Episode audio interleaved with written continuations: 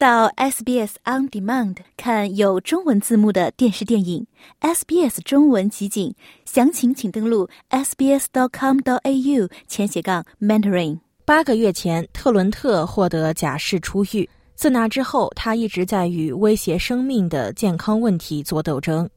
他险些胆囊破裂，最近又被诊断出患有二型糖尿病。他说：“这在狱中没有得到及时治疗。”他们给你两片必理痛，然后打发你走人。情况就是这样，在押人员因为得不到适当的医疗护理而死亡。过去几年，澳大利亚全国各地发生的囚犯死亡事件，引发了改革囚犯医疗保健的呼声。本月对原住民男子科尔在羁押期间死亡一案的调查发现，对他的健康评估不足，包括狱警拒绝在他昏迷时打开牢房的门。被监禁的原住民居民和托雷斯海峡岛民人数过多，并不是一个新的问题，而是澳大利亚一直未能妥善解决的结构性和系统性问题。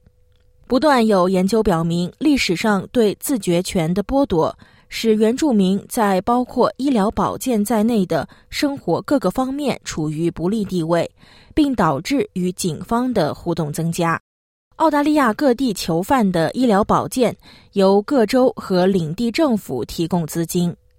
这意味着他们无法享受医疗保险 Medicare 福利或药品福利计划 PBS 所列的补贴药物。男性住宿支持机构彩虹小屋的经理罗宾逊表示：“The removal of the person from the community is the punishment. You know，将人赶出社区是一种惩罚。如果因为他们在入狱前就存在医疗问题，或是在狱中染上医疗问题而进一步惩罚他们，我认为这是不公平的。”罗宾逊在悉尼开展了一项出狱后住宿计划。帮助服刑人员重新融入联邦医疗保健系统。All our men within the first two days of coming here are taken for a full medical assessment. That's how serious it is for us. That it's the first thing we do. 我们所有的人都会在头两天内接受全面的医疗评估，这对我们来说非常重要。我敢说，这里百分之八十的人都有吸毒和酗酒问题。我认为百分之九十以上的人有心理健康问题，百分之六十的人有糖尿病等原有问题。我们认为，如果刑事司法系统和医疗保险之间能够提供连续性的护理，那么对纳税人来说成本会更低，我们的服务对象也会获得更好的结果。而这正是澳大利亚医学协会呼吁联邦政府采取的行动。澳大利亚医学协会联邦主席罗布森教授表示：“Who are particularly vulnerable are Australians from Aboriginal and Torres Strait Islander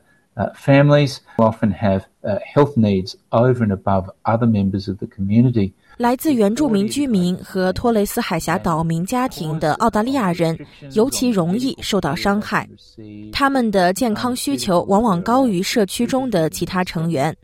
他们已经处于非常不利的地位，而由于对他们所能接受的医疗服务以及在这些环境中允许他们使用的药物的限制，这使他们处于更加不利的地位。